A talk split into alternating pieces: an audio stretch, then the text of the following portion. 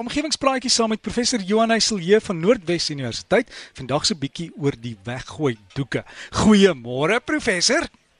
Goeiemôre Derrick, môre al die omgewingsvriende.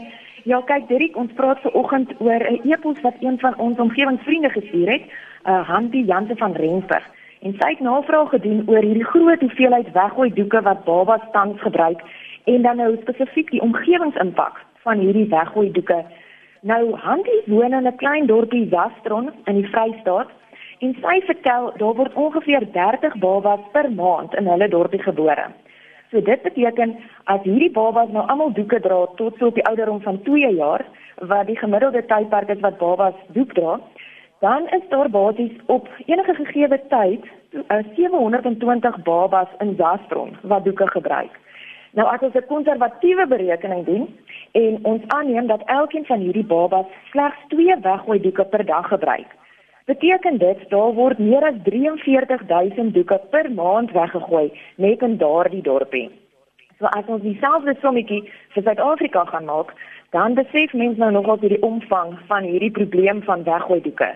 En volgens ons nuutste statistiek word daar tans in Suid-Afrika so 2700 babas per dag gebore. So dit beteken maandeliks tussen 7 en 8 miljoen doeke wat weggegooi word. Nou die meeste van hierdie doeke beland dan op die stortingsterreine en omdat dit nie bioafbreekbaar is nie, kan hierdie doeke tot 500 jaar neem om te degenereer. Maar wat verder kommerwek is die weggooi doeke wat nie op die stortingsterreine beland nie, maar in ons omgewing en in ons riviere en in ons damme.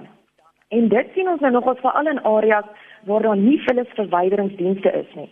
Nou volgens Statistiek Suid-Afrika het 39% van ons bevolking nie toegang tot 'n maandelikse of 'n weeklikse vullisverwyderingsdiens nie. So Dirk, ja, ons kan maar net wonder waarheen al daardie vullis gaan. Maar een van my kollegas hier by afvalbestuur, Senta Berner, het vertel dat weggooi doeke soms in die pitlatrines of in die riviere gegooi word of in die grond begrawe word. En um, in 2016 was daar juist so 'n geval van besoedeling waar groot volumes weggooi doeke in die Midmardam gevind is. Maar soos julle weet, weggooi doeke is natuurlik 'n wêreldwye probleem wat in 1946 al begin het, toe die eerste plastiese weggooi doek op die mark verskyn het. Nou internasionaal is daar al baie vordering gemaak in terme van sanitêre ingenieurswese en waar weggooi doeke gekomposteer word saam met ander organiese afval. En die ander goeie nuus is verskillende maatskappye kyk tans na die ontwerp van weggooi doeke en in Australië en Noord-Amerika byvoorbeeld is daar reeds doeke beskikbaar wat in tradisionele riool-infrastruktuur afgespoel kan word. Maar Derek, soos julle by die tyd weet, kan ons die wêreld se plastiekprobleem slegs aanspreek as ons ophou om hierdie plastiekitems te gebruik. Maar kyk, ek glo daar gaan baie mense wees wat gaan sê hulle sal eerder ophou strooitjies gebruik of plastieksakke gebruik voor hulle nou hulle weggooi doeke gaan opgooi en gaan opgee. Want uh, weggooi doeke is hoeka in 'n studie in, in 1997 as die tweede beste verbetering van die moderne wêreld gestem. En dit was kort op die hakke van die outomatiese wasmasjien, net so vir interessantheid wat die eerste plek behaal het. So ja, weggooi doeke het 'n primêre deel van ons same samelewing geword wat die lewe basies vir ons gemakliker en geriefliker maak. En baie mense dink dat lapdoeke is nog hierdie wit vierkantige handdoekstofdoeke van destyds. Maar die moderne lapdoek lyk byna net die weggooi doek. En dit is regtig ontwerp om funksioneel te wees en maklik skoon te kom en hierdie nuwe moderne lapdoeke word nogal hoog aangeskryf. Nou lapdoeke is uit die aard van die saak beter vir ons omgewing omdat baie minder afval dan op ons stortingsterreine beland.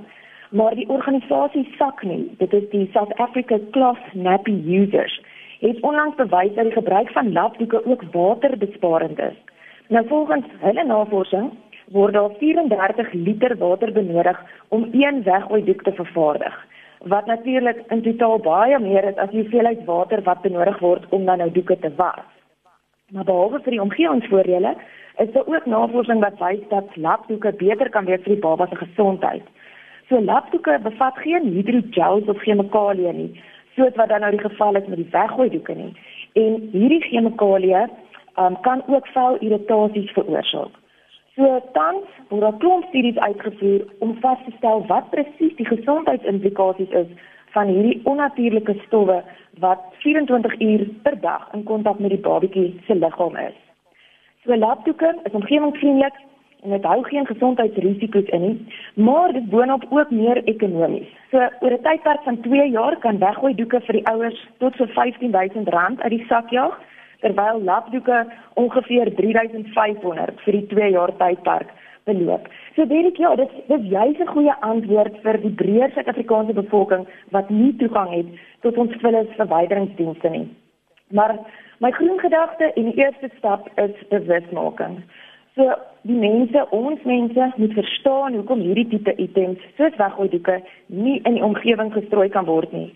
Maar terselfdertyd moet ons fasiliteite voorsien waar hierdie afval geskei word en verwyder word. En ons stelselmatig moet ons probeer wegbeweeg van items wat 'n negatiewe impak op ons omgewing het. So dankie Derek, dit van my kant af. Ek hoop julle kuier baie lekker daar by ons omgewingsvriende. Baie dankie. Ons kuier heerlik en groete daar en dankie vir al die raad met die weggooi doeke. En dit dan professor Johan Heiselje van Noordwes Universiteit. As jy wil e-pos dalk 'n vraag het, omgewingspraatjies by gmail.com, maar daar's ook die omgewingspraatjie op Facebook, jy kan daar inligting kry.